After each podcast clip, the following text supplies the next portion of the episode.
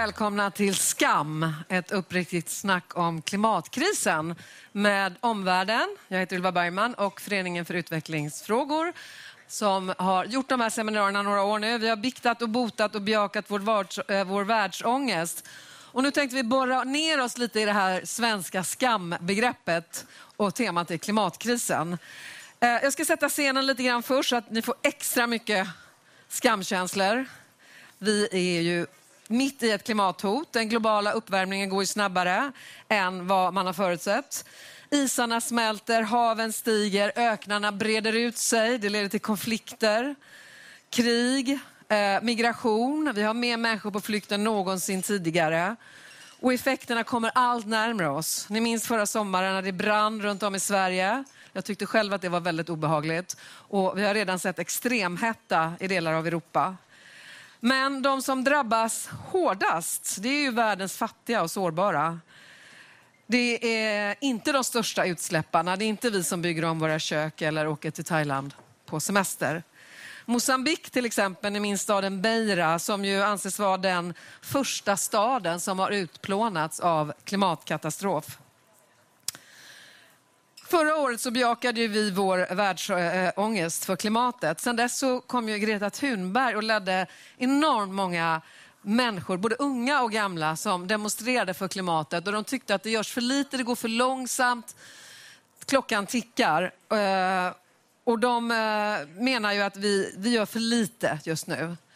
Vi har också fått begrepp som flygskam, flerbarnsskam, köttskam, vi kanske till och med fått ett begrepp som halloumiskam. Ni läste väl om halloumin här nyligen? Så hur engagerar ni er för klimatet? Sorterar ni skräp? Klimatkompenserar ni? Drar ni ner på flygandet? Hur åkte ni hit till Visby? Det är lätt att känna skam för det man gör eller skuld. Och vad är skillnaden? Och hur hanterar vi den här skammen? Och hur kan vi omvandla det här till förändring?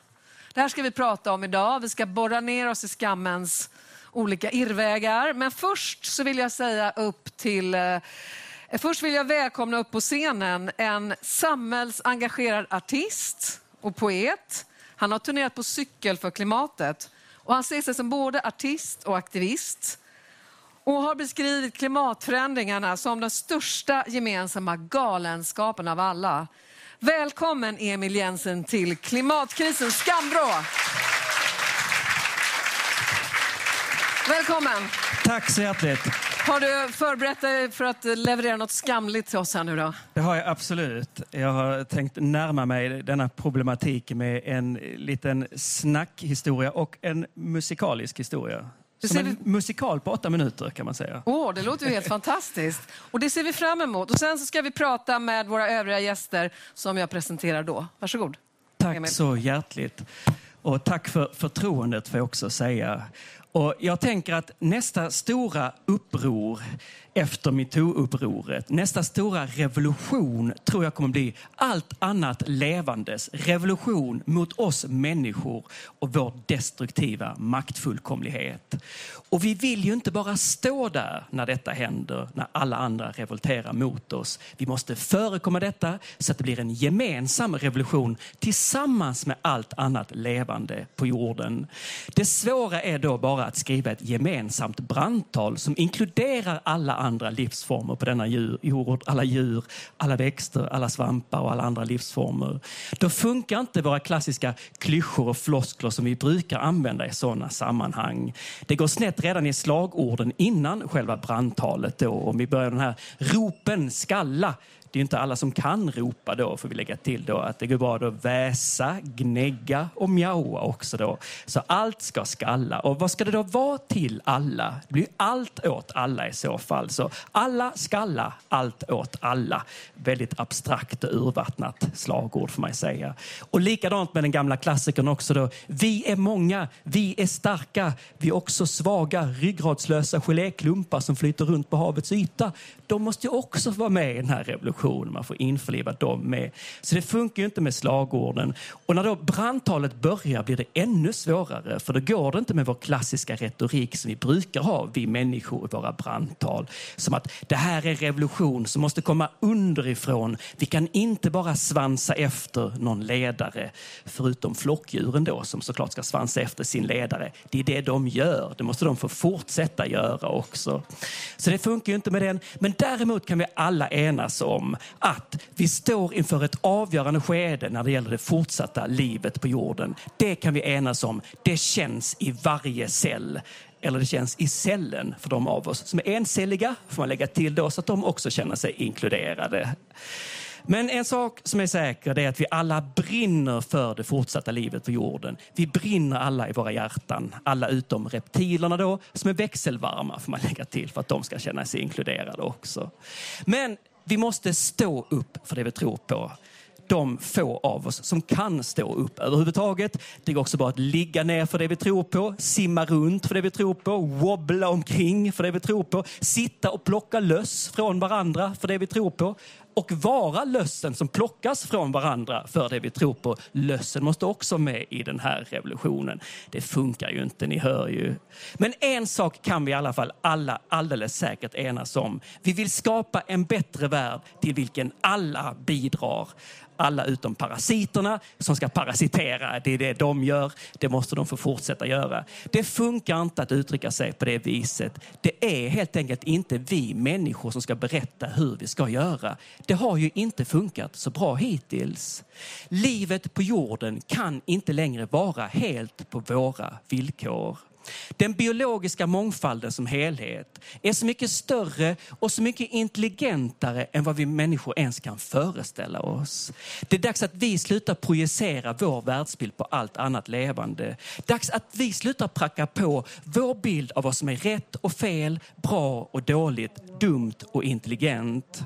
Det är klart att vi är det intelligentaste djuret när det är vi som hittat på vad intelligens är. Men det är dags att vi slutar med det här maktutövandet, vår destruktiva maktfullkomlighet. Det är dags att vi slutar sätta oss över allt annat levande. Dags att vi slutar vara rasister mot andra arter. Att vi slutar vara artister. Och där funkar ändå tack och lov en av de gamla klyschorna. Inga artister på våra gator. Och redan där redan när vi föds så blir det något skamligt. Redan genom att bli människa så vet vi att vi kommer leva ett liv som på olika sätt gör livsvillkoren på jorden sämre. Så redan där blir det skamligt att överhuvudtaget finnas till för oss människor. Och extra skamligt blir det med klimatskammen. För att det är en skam vi känner inför dels livsformer vi inte kan be om ursäkt till och dels inför kommande generationer. Oskyldiga, ofödda barn som vi måste be om ursäkt till om vi inte slutar bete oss så som vi gör. Och precis som alla andra övergrepp så upprätthåller vi den här maktordningen genom att blunda, genom att stötta varandra och genom att släta över olika saker. Och Det är det som är så otroligt skamligt, att vi vet ju vad vi gör och vi vet att vi kommer att fortsätta göra det. Och det är så otroligt svårt för oss att hantera. Men jag tänker att allt detta sitter i tanken. Så fort vi agerar och organiserar oss så brukar det komma något förlösande. Både skammen, skulden och handlingsförlamningen uppenbarligen försvinner i och med det.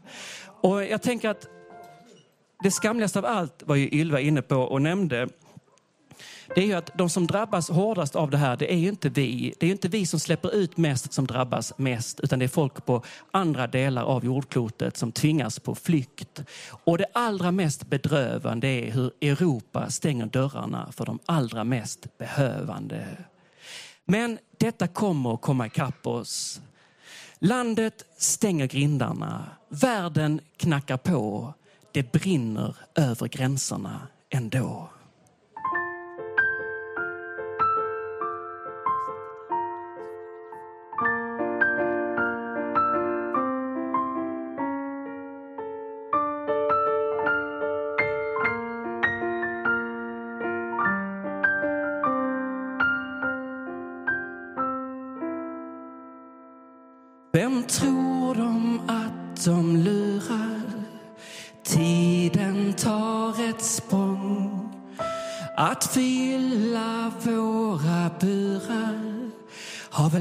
Aldrig hindrat vår sång.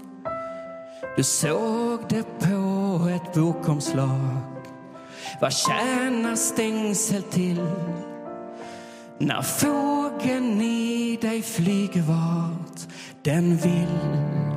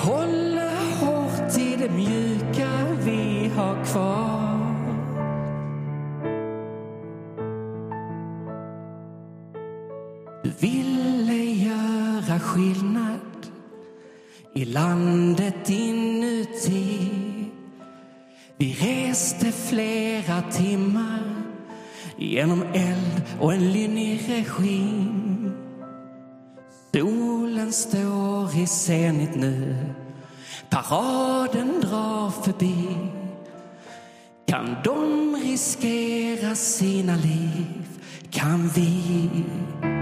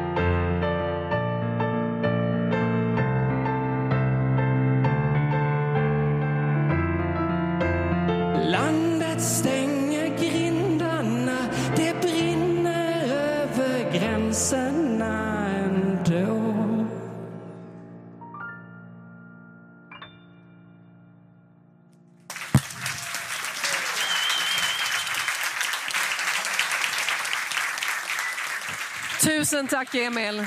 Eh, Jag tycker att det var väldigt vackert. Tack. Och det var sorgligt tyckte jag. För sorgen är ju nära skammen också. Den är ju det. Så varsågod och sätt dig här. Du kanske kan ta skämskudden i famnen så länge. Och så ska vi bjuda upp våra övriga ehm, gäster. Det är Åsa Romson som är tidigare språkrör för Miljöpartiet, numera expert på Sverige, Svenska Miljöinstitutet. Välkommen!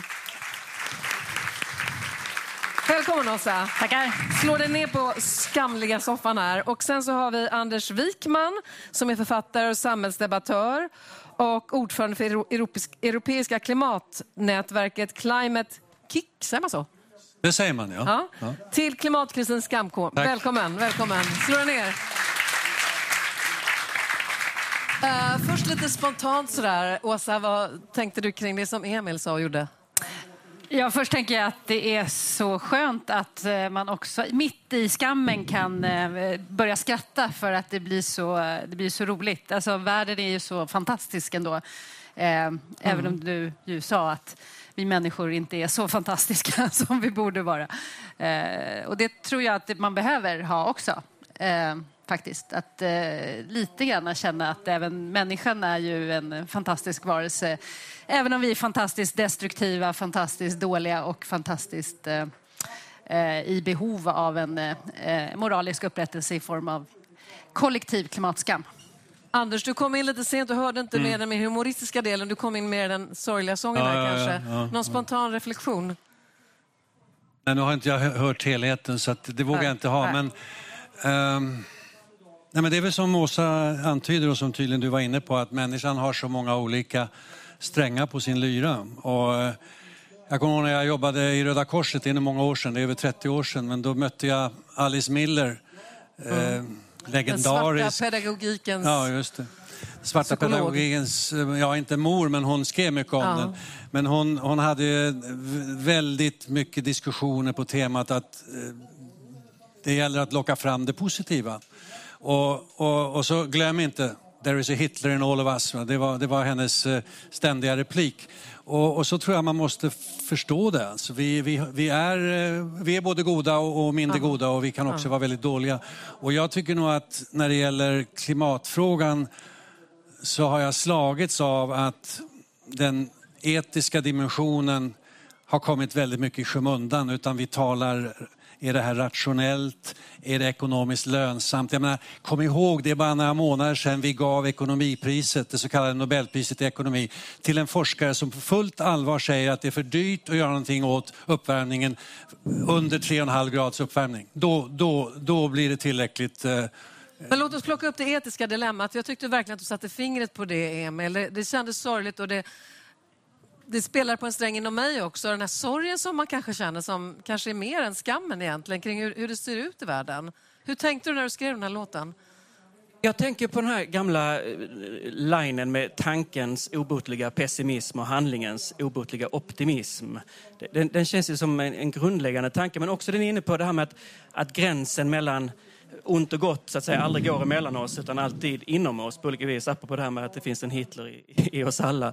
Men, men, men jag tänker också att, att sorgen ligger ju i, i det här med, med att vi känner att vi vet vad vi behöver veta men ändå är det så svårt att, eh, att komma till handling och, och, och, och hur vi hela tiden också stöttar varandra i att låta bli att komma till skott. Man hör ju folk säga ibland Ja, hade, bara tåget, hade jag bara kunnat lita på SJ, då hade jag tagit tåget, säger folk. Och så vet vi att 98 procent av alla tåg kommer i tid. Ja. Så vi kan ju faktiskt lita på tåget. Vad skäms du för?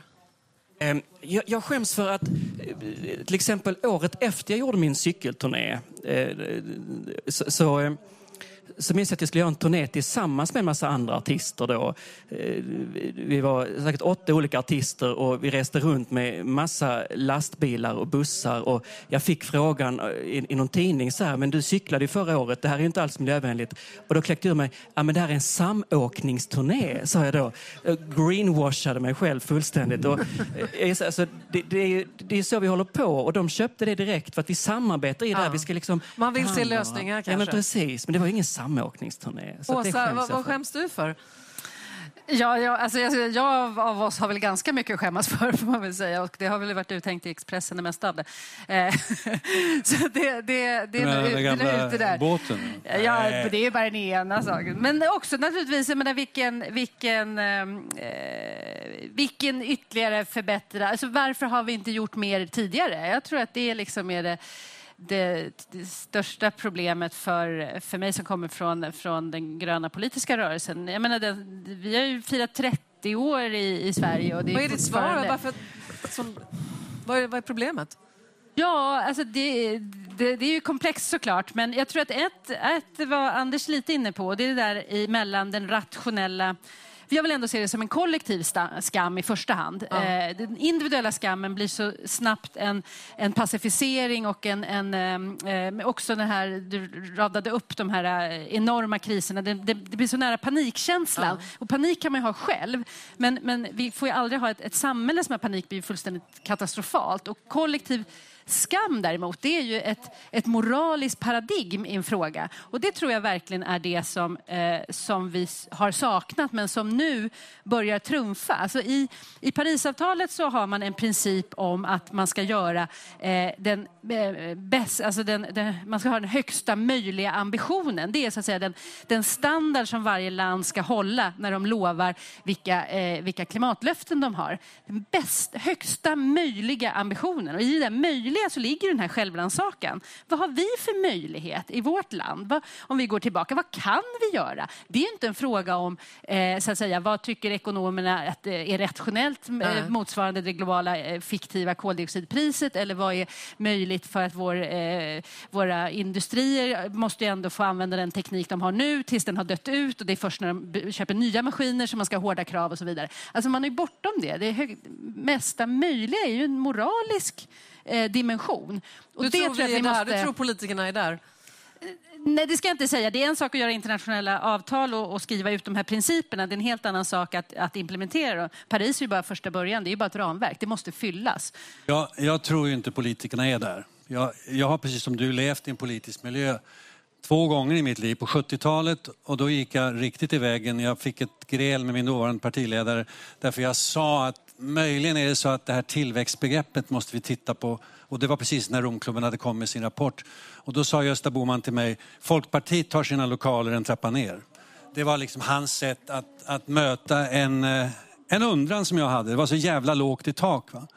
Och sen var jag, satt jag i Europaparlamentet i tio år och jag skulle säga att jag har stor respekt för alla som är politiskt verksamma, men jag skulle säga att de allra flesta, de kan mycket om lite.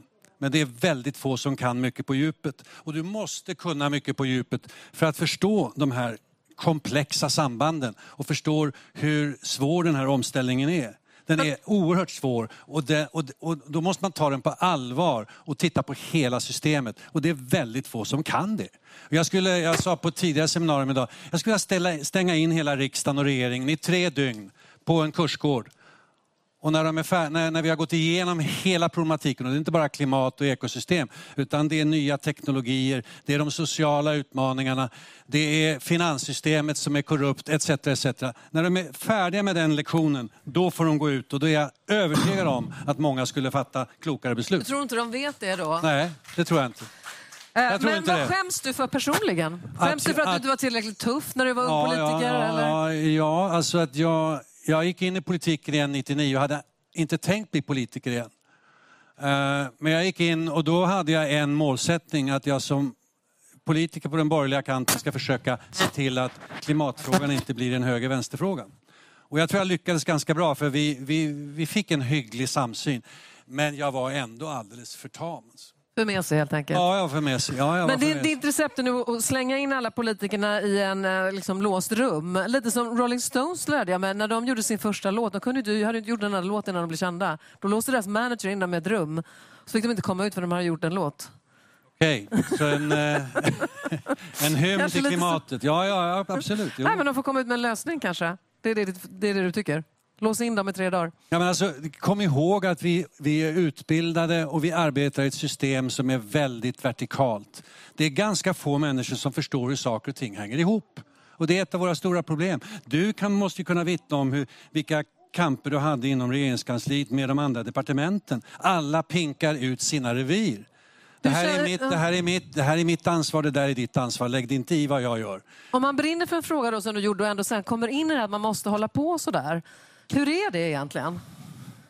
Ja, men det är det som är, det är då man måste ta ställning till eh, vad man tror är framkomliga vägar. Och där tror ju jag att vi, vi är olika tider och vi, vi är olika människor, vi har olika arenor. Men det som, det som på något sätt eh, framkommer i klimatfrågan är ju att alla rollerna behövs. Eh, vi behöver ju inte bara en Greta, vi behöver ju massor. Vi behöver ju eh, eh, aktörer som gör nya saker utanför sina fält eh, också. Och vi behöver naturligtvis politiker som, som blir bättre på att förstå eh, huvudsystemen och gräns. Vi behöver också expertförvaltningar som förstår eh, och hur man måste omorganisera sig när man går in i en ny... Man har, alltså vi har ju en, stor ny uppgift för samhället med, med den omställning som vi Jo, står inför. Tänker som Och person, klart liksom, att, man, att man brinner för något, man engagerar sig i något och sen så måste man göra om så Ja, och då gäller vara det- så här pragmatisk. Ja, men det är då man, man måste se, så att säga, tycker jag att, det här, att jag bidrar tillräckligt mycket? Ger det, tycker jag att jag gör det jag kan bäst eh, i den här rollen? Eller borde jag istället eh, skriva en bok eller sjunga en låt eller, eller eh, upp, upp, uppväcka grannarna eller, eller åka till, till ett annat land? Det, är- det, det är ju den. Och, och så lyckligtvis eh, så kan man ju göra flera saker under livet på olika sätt. Eh, och jag gjorde i alla fall ett försök där jag tycker att politiken är viktig. För om vi, in, om vi inte har politiken, ja, vad har vi då? Då har vi kanske bara en kollektiv skam men ingen organisering. Det bästa är ju om den här kollektiva skammen projicera fram en politik som leder till den kollektiva handling som behövs. Emil? Ja, men verkligen just organisering tänker jag är ett nyckelord. För att det känns som att vi har fastnat lite ibland i det här ganska snäva med att ska vi, ska vi göra det här på en individuell nivå? Vad ska individen göra? Eller ska vi sätta press på politiker? Och, och, och så har vi fastnat i det. Men det finns ju en, en tredje väg som pågår hela tiden, just organisering. Och, och, det på något sätt eh, innefattar allt det som ni har pratat om. Och, även Greta Thunberg då. Och att, att, att just jobba med gräsrotsrörelser också Samtidigt som såklart beslut fattas och individer måste hänga med. Men organisering känns ibland lite bortglömt som en, en tredje viktig ingrediens i det. Eh, nu skulle jag vilja bjuda upp en annan spännande person, Kent Wiste som är präst och bildkonstnär. Välkommen upp på scenen. Eh, du får ta och sitta i den här lite fina stolen här. Sen så ska vi be er att hjälpa oss att skriva vad ni skäms för på ett sånt här ordmoln. Eh, vi tänkte vi ska ändå stanna, vi, vi, kan hålla kvar vid det här organisering som en hoppfull grej framöver.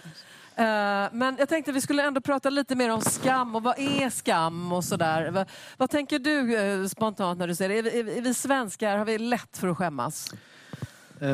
Jag ska svara på det så ska jag nog säga ja, men det fin finns ett semantiskt problem av det. åtminstone för mig som har jobbat i en själavårdande tradition där man gör en väldigt stor åtskillnad på, eh, på skam och skuld.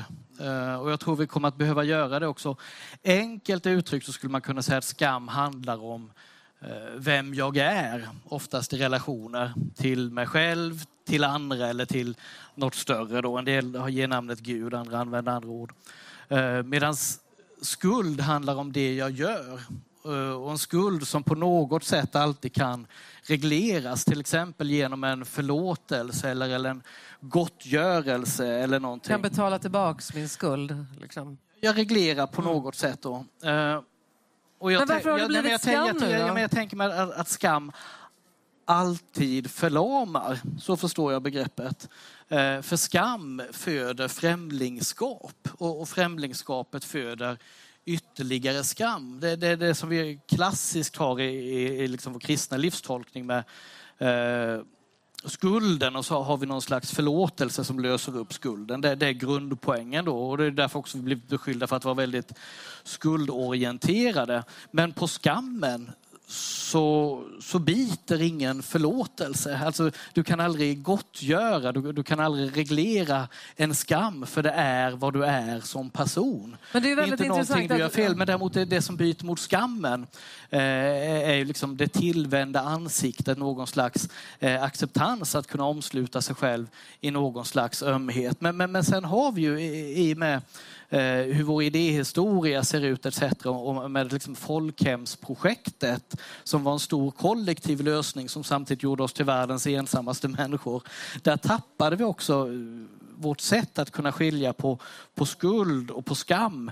Eh, så idag, eh, och, och kanske framförallt i den, i den offentliga samtalet med någon som har gjort fel eller i social media när drevet går och så. Det är oerhört svårt eh, att få någon slags förlåtelse eller upprättelse eller att kunna gottgöra någonting.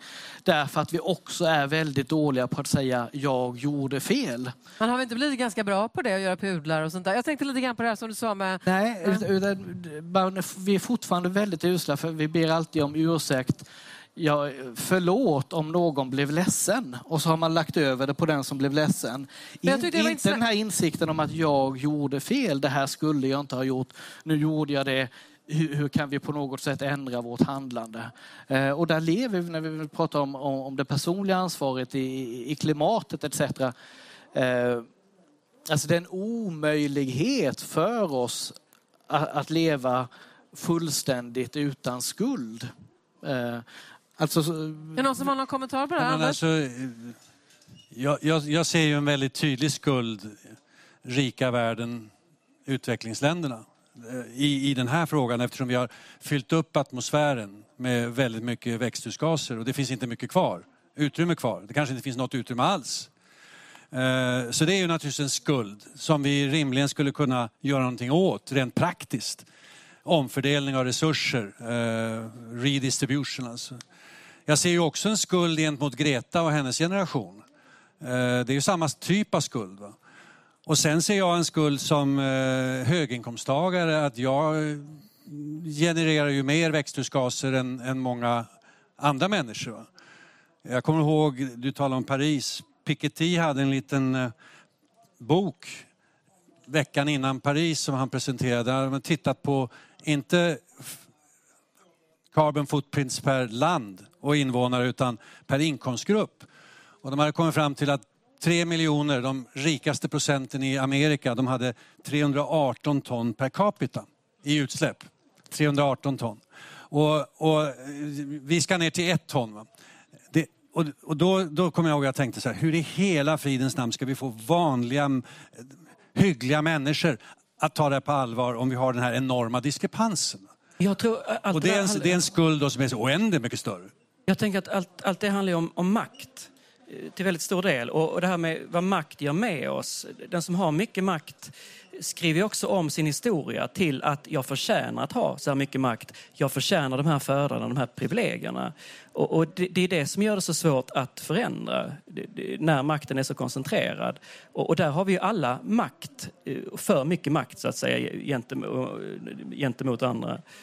Men kan skambegreppet då, köttskam, flerbarnsskam, flygskam, att det är skamligt att leva i de här lyxiga miljöerna med nybyggda kök och suvar, att det kan ändå, kan det påverka de här människorna då att, att ta sitt ansvar? Jag tror att vi, och det är på andra ställen också, vi ser en, en polarisering. Och jag tror att det finns, eh, det här begreppet eh, tolkas väldigt olika beroende på från vilken bubbla du ser den så att säga. Det kan, det kan tolkas eh, som en, en, något som pacificerar och, och försätter enskilda ska vi säga, kanske då ungdomar som, som relativt sett har en, en mindre tid på sig att ha, ha faktiskt eh, bidragit eh, i en, i en eh, paniksituation, vilket inte då är handlingsförlösande. Det kan naturligtvis komma till, till grupper där man, där man känner att nej, men nu fasen, Men kan det klimatfrågan först. Liksom. Det, här är, det här är vad vi totalt sett måste jobba med i den här organiseringen eller i den här föreningen eller i det här eh, landet eller så. Och det kan också vara den här frågan om eh, SUV-skam eh, som kommer till SUV-ägaren som, som gör att den bara, det är sånt, det är sånt eh, hårt begrepp att det får bilägaren att bara slå ifrån sig och tycka att ja, men det, du har fel och jag har rätt och, och måste nästan då bli ännu mer inbiten i att, att stå upp för sina, Men- sin, men- sin bil. men jag tycker inte då har vi en polarisering som är väldigt stor. Men jag tycker kanske inte, jag är inte säker på att jag gillar ordet skam heller. Jag, jag håller med dig om att det, det, det, det är ett svårt begrepp. Men om vi, nu, om vi nu skulle vilja peka ut dem som vi tycker på ett flagrant sätt är mest skyldiga. Ja, eller går emot rimliga principer för hur man bör agera som människa.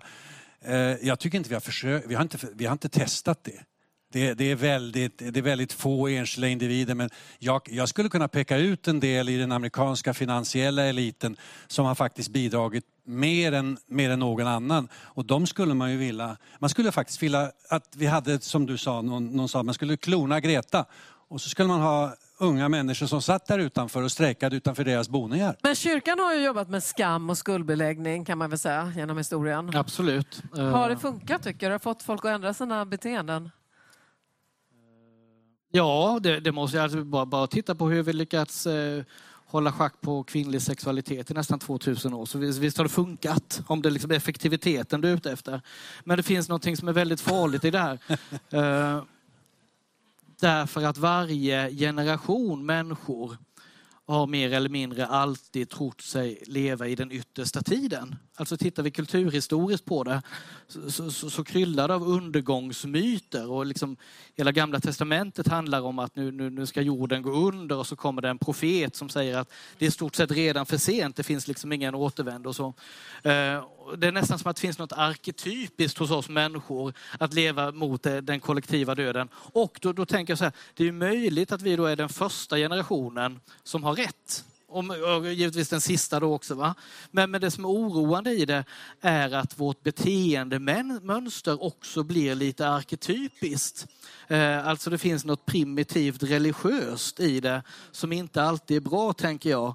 Eh, vi kan se det bland, bland med, med, med ny syndakatalog som växer fram som Ja. ganska mycket liknar pingströrelsen på 30-talet. Fast vi har bytt ut biobesök och dans mot flygresor och, och, och jacuzzibad. Då. Eh, och, och, och likadant, hur, bara det här problematisera med hur vi laddar just begreppet, alltså hur ofta vi använder ordet profet och namnet Greta, vad det kommer att betyda. Och jag tycker hon är fantastisk och gör jättebra.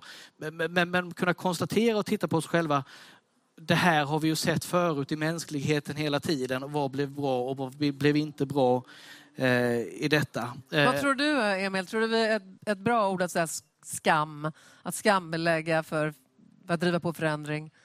Jag, jag, tror någonstans att det finns eh, olika skam som jag nämnde innan också, innan låten. Det här med att, att dels, dels har vi någonstans en, en adekvat skuld, kanske man ska säga då, men, men som leder till en adekvat skam. Och, och, och, den är ju till stor del kollektiv och den tror jag man kan vända till till energi eh, och till förändring.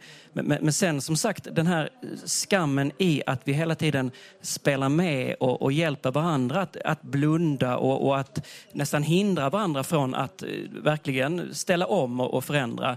Eh, där kan jag få skamkänslor i hur vi håller på då. Som sagt, att liksom, nej, men det är klart du inte ska ta tåget, man kan inte lita på SJ. Och så, ja, men det är klart du måste åka till Nya Zeeland och vandra, annars orkar du inte engagera dig när du kommer hem och sånt. Att, att vi liksom håller på så. Och, och så har det funkat med alla övergrepp genom historien. Och, och den skammen tror jag är väldigt förlamande. Men... Håll den tanken lite. Vi ska bara titta på det här. Eh, vad skäms du över? Här har folk börjat skriva lite grejer. Eh, där står det.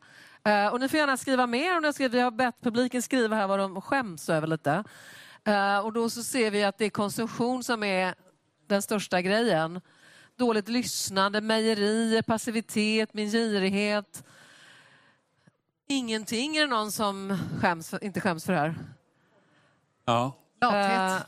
Uh, lathet, klädinköp. Är det här, tycker ni det är oväntade ord eller är det något som ni, ni, ni överraskas över här? Klassresor? Nej, men det visar ju att man använder ordet skam just nu kanske mest i betydelsen av den här individuella Eh, skuldbeläggandet av, av... Det, kan ju, det kan ju vara handlingskrävande i och med att det så att säga, lyfter upp och snarare då kanske försöker Eh, ruska liv i någon. Men var inte så slentrianmässig och tänk att det, ja. familjen måste åka till Thailand med flyg. Liksom. Tänk något nytt. Och då kan naturligtvis ett begrepp som flygskam kanske vara liksom så här, ja just det, jag har hört, ja kanske.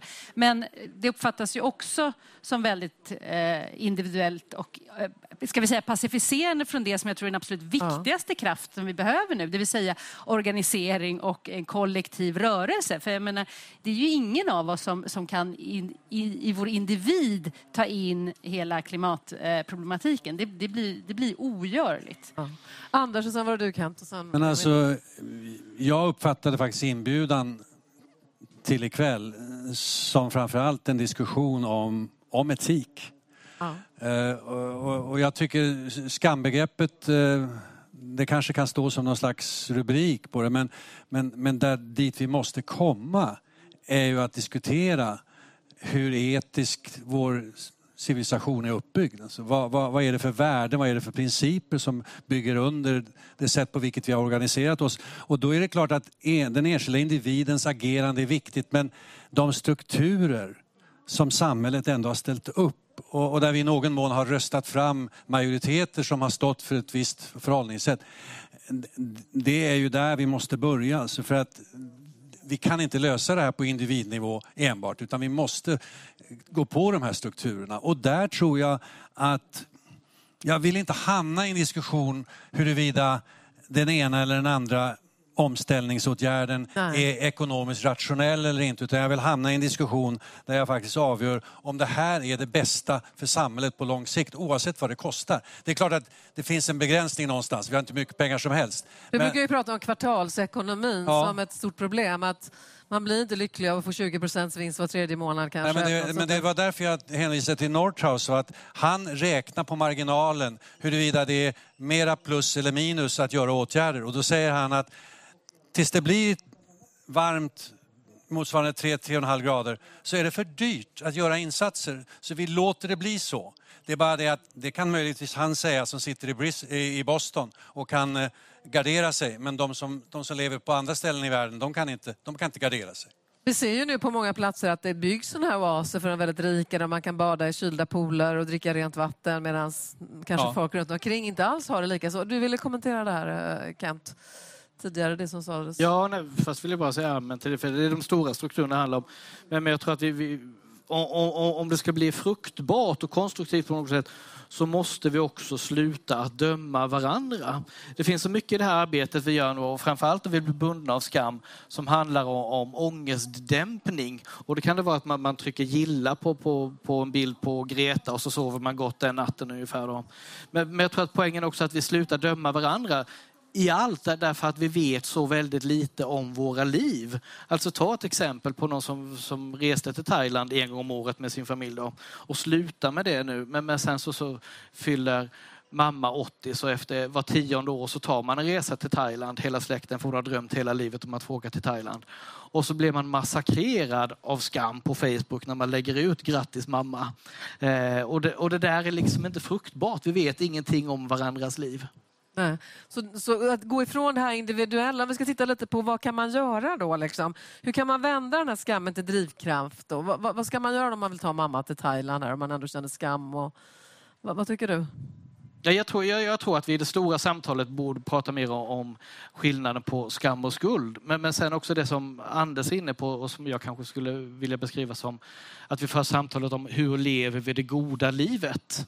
Eh, alltså då är det inte att vi ska klä oss i säck och haska inför jordens undergång för att eh, hitta någon slags förlåtelse. Utan vad är det goda livet för människor och hur finner vi det goda livet tillsammans? Så då kommer vi in på hållbarhetsfrågorna och de stora strukturerna där vi lever i en eh, strukturell synd om jag skulle uttrycka det kyrkligt. Vad säger du Anders, hur ska vi vända det här till någon positiv drivkraft nu när vi känner nästan oss förlamade? Kanske av den här skammen och sorgen och de här strukturella problemen? Nej, alltså jag, jag, jag, det är inte bara för att jag sysslar med politik, men jag håller med Åsa om att det är ju i politiken vi måste söka de, de viktiga lösningarna och, eh, och det går ju inte utan mobilisering. Och om vi, om vi blir bara ångestfyllda och, och, och känner oss lite skäm, skämmiga, då, då, gör vi, då gör vi ingen nytta. Va? Så agera istället med full kraft och identifiera en fyra, fem grejer som måste ske. Va? Vad och tänker en, du att det skulle vara? Eh, ja, alltså vi, jag har varit ordförande i Romklubben. Vi tog fram ett tiopunktsprogram för, för eh, vad vi kallar för en Climate Emergency Plan. Och, och det är alltifrån då att från och med 2020 ska vi inte öppna några nya kolgruvor, inga nya olje och gasfyndigheter. Punkt slut från och med idag måste vi fyrdubbla investeringarna i förnybar energi i framförallt låginkomstländer. Det sker en del där, men det mesta sker i Kina. Det sker inte i Afrika. Biståndet når inte ut, eh, privatinvesterare investerar inte. Det tredje är att vi måste, vi måste börja mäta välfärd och framsteg på ett annat sätt. Vi har hela tiden ett kvantitativt mått.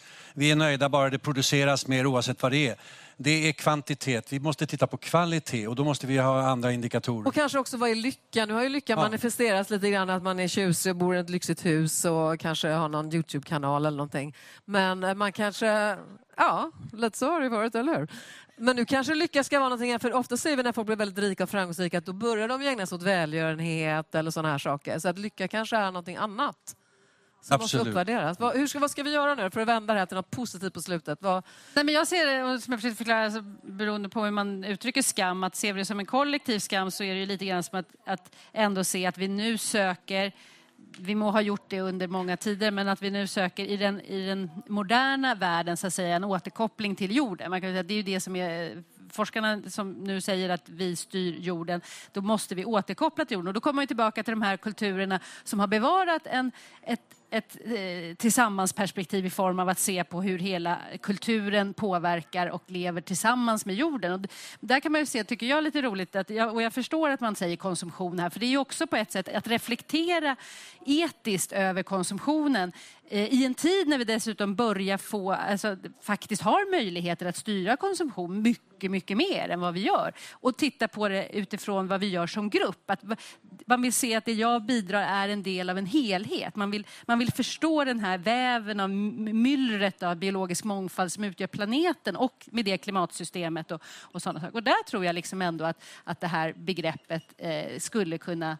Eh, mobilisera den etiska dimensionen i debatten som behövs för att komma förbi och få eh, politiken att, att eh, komma över tröskeln att, att hela tiden behöva bevisa, så fort man ska göra en klimatreform så ska man bevisa att den inte är ekonomiskt katastrofal och att det inte finns någon grupp som hamnar utanför. Alltså det finns så många motbeviskrav istället för att säga men det här är ju faktiskt det riktiga. Vi, ska, vi måste göra det vi kan. Har inte det skämt bort folk lite från hela miljön? Det här att det ska vara liksom ekonomisk uträkning, klimatkompensation och sådana här saker.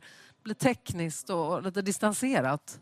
Ja, men alltså, vi, vi har ju en, en diskurs som går ut på att saker och ting ska vara rationella och de ska vara lönsamma. Och, och, och, jag tror att vi måste lägga, vi ska inte lägga det helt åt sidan för det är bra att göra saker som inte är olönsamma. Men vi ska också vara klara över att ekonomins ramverk gör sånt lönsamt som samtidigt bryter ner och gör sånt olönsamt som inte bryter ner. Så, vi, så, att, så att det här Barnarbete är, det jävla, och slaveri var också ja, lönsamt ett Det är jävla komplicerat. Och det, och, och det andra är att, precis som Åsa säger, alltså, om ekonomerna hade läst en termin biologi och termodynamik, då hade de tänkt annorlunda. Men de har ju lagt på naturen en ekonomisk modell som i viss mån bryter ner den här, det här natursystemet. Det kan ju, inte, kan ju inte någon ha velat från början, men så är det därför att de saknar grundläggande kunskaper om hur naturen funkar. Och då är det bra att det bubblar upp en moral och en etik som kanske kräver någonting annat av våra politiker. Vad tror du, ja, Emil? Vi har inte lyckats med, vi har inte lyckats med logiska argument. Nej. Emil, vi ska runda av lite grann, men vad tycker du? En kommentar? Jag ska runda av nu här, knyta ihop. Jo, jag, jag tänker, eh, för min del, apropå det hoppfulla som du ville sluta i, det, det som fick mig att, att göra hela min turné per cykel den sommaren, det, det, var en gammal affisch jag hade, anarkistiska miljörörelsen 5 i 12. Det var en bild på ett träd och så stod det Även om jorden skulle gå under imorgon skulle jag fortfarande plantera ett mm. träd mm. idag. Och det, den hade jag när jag var liten och det har jag haft som en liten påminnelse hela mitt liv. Och det, det tänker jag finns mycket av det ni, ni har sagt här nu också. Det var Martin Luther som sa det. Faktiskt. Han, ja, han var först med. Han var den första eh, anarkisten. Ja. Ja. Förlåt? Ja. Ja, den får vara snabb då.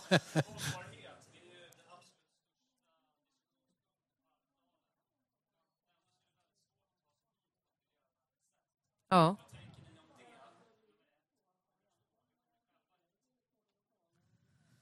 Färja. Färja. Färja. Lög.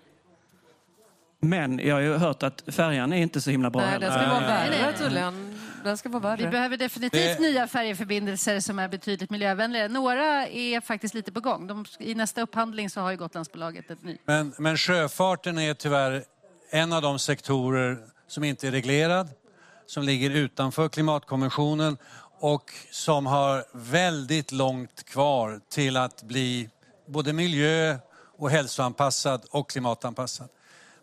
Men, men ja. de som bor på Gotland måste ju också kunna ha transporter och, ja. och om vi ska ha ett, ett Men det är en bra fråga. Bild. Ja, och jag, jag, jag, tror, jag tror också att vi behöver fler möjligheter transport, men vi behöver också fler politikerveckor. Eh, och allt har sin tid. Jag tror att om tio år finns inte Almedalsveckan längre.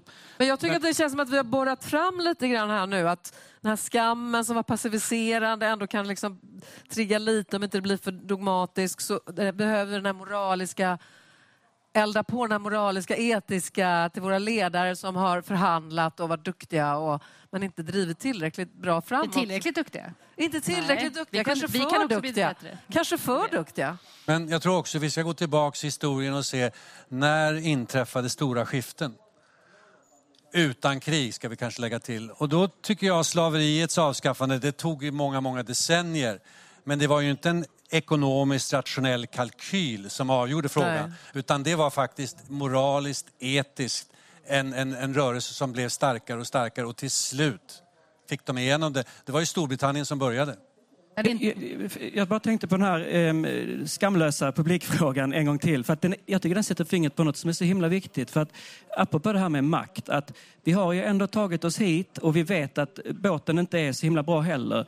Och varför har vi gjort det? Jo, för vi känner att det är viktigt att mötas. Och då är man där igen. Jo, men det är viktigt att mötas, men hur viktigt är det? Ska det vara på bekostnad av, av allt det som det blir på bekostnad av? Ja, det kanske det inte är. Och tänker vi då att vi är så viktiga som är här? Ja, det kanske vi tänker, fast det tänker vi inte fullt ut. Men någonstans innerst inne kanske vi hör den rösten, för vi är ju uppenbarligen här. Så jag, jag tycker det, det, handlar väldigt mycket om det jag sa innan, det här med att, att makt gör att vi tror att vi ska ha har vissa privilegier, men det ska vi ju inte.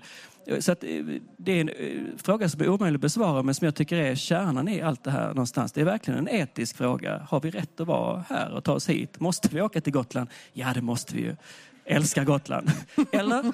Så vi ska avsluta då med hur vi kan vända skam till handling eller hur vi kan rädda klimatet. Du kan väl ta... Trampbåt säger jag.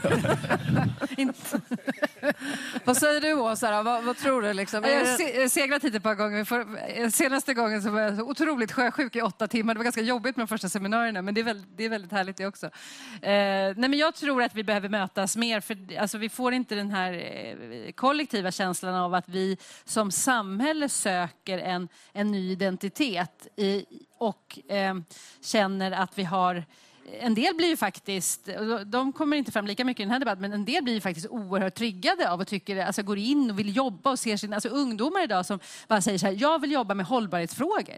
Menar, de säger det av en anledning, det, det, det föder ju också lust. Eh, och det tror jag vi ska bejaka, när det föder lust att man vill eh, ta sig an den här utmaningen. För det är ju också en mänsklig drivkraft någonstans att överleva eh, och förstå mer av hur den här jorden, planet, eh, planeten fungerar. Anders? Vi är sociala varelser och det ska vi bejaka. Och vi måste, precis som ni säger, vi måste ju träffas för att eh, försöka lösa de här frågorna gemensamt. Och, och eh, jag tror dessutom att, att bara ställa in färjetrafiken, det är nog ingen lösning. Det bor fortfarande en massa människor här. Utan vi måste steg för steg ställa krav på de här redarna. Och, och kanske också vara beredda att betala lite mer för att resa. Det är ju ett av problemen. Det är för billigt att resa. Alldeles för billigt. Men du tror att skammen kan bli en handling för klimatet? Nej, men jag, alltså, jag, jag gillar inte ordet skam, men, men jag tror att det faktum att vi har fått en debatt om skam och skämmigt, det indikerar ju att vi är mer och mer intresserade av att se det moraliska i vårt eget agerande och det tycker jag är ett stort steg framåt. Därför det har jag saknat. Möjligen hade både du och jag kunnat bidra med det tidigare för vi har haft plattformar men men vi har, vi har på något sätt hamnat i det här, vad är ekonomiskt rationellt och så vidare. Och det, det måste finnas där, men, men, men mer fram med principen och moralen. Kent, du får sista ordet då. Vad, vad tycker du? Hur, hur, har du betraktat den här diskussionen Nej, men, idag i, i Sverige om skam? Det, blir det handling? Blir det konkret? Ja, det, det tror jag. Och, och, det är bara en semantisk fråga. Men jag tror att att det vi ser egentligen inte är skam utan det är liksom ett nyvaknat skuldmedvetande. Eh, och i det så finns det också en känsla av ansvar inbyggt. Och det ses som väldigt hoppfullt. Och så ja. tycker jag det är jättefint det du säger att vi måste lyfta in den etiska aspekten. Eh, för det också, där, där ligger vi i bakvattnet i västvärlden på att vi vi kan inte tänka så mycket annat än ekonomiska kalkyler, alltså de stora berättelserna, de goda berättelserna som, som binder ihop och så, så, som skapar en, en ork att leva hos oss alla. Eh, och, och, kanske också ett mod att dö när den tiden är här. Men då ska den vara rätt inne. Men vi ska ändå sluta lite hoppfullt tycker jag, att det finns ett hopp för oss alla att mobilisera oss innan vi dör kanske. Tack så mycket för att ni kom hit, Emil, Jensen, Åsa, Anders och Kent. Och tack ska ni ha. Tack så mycket.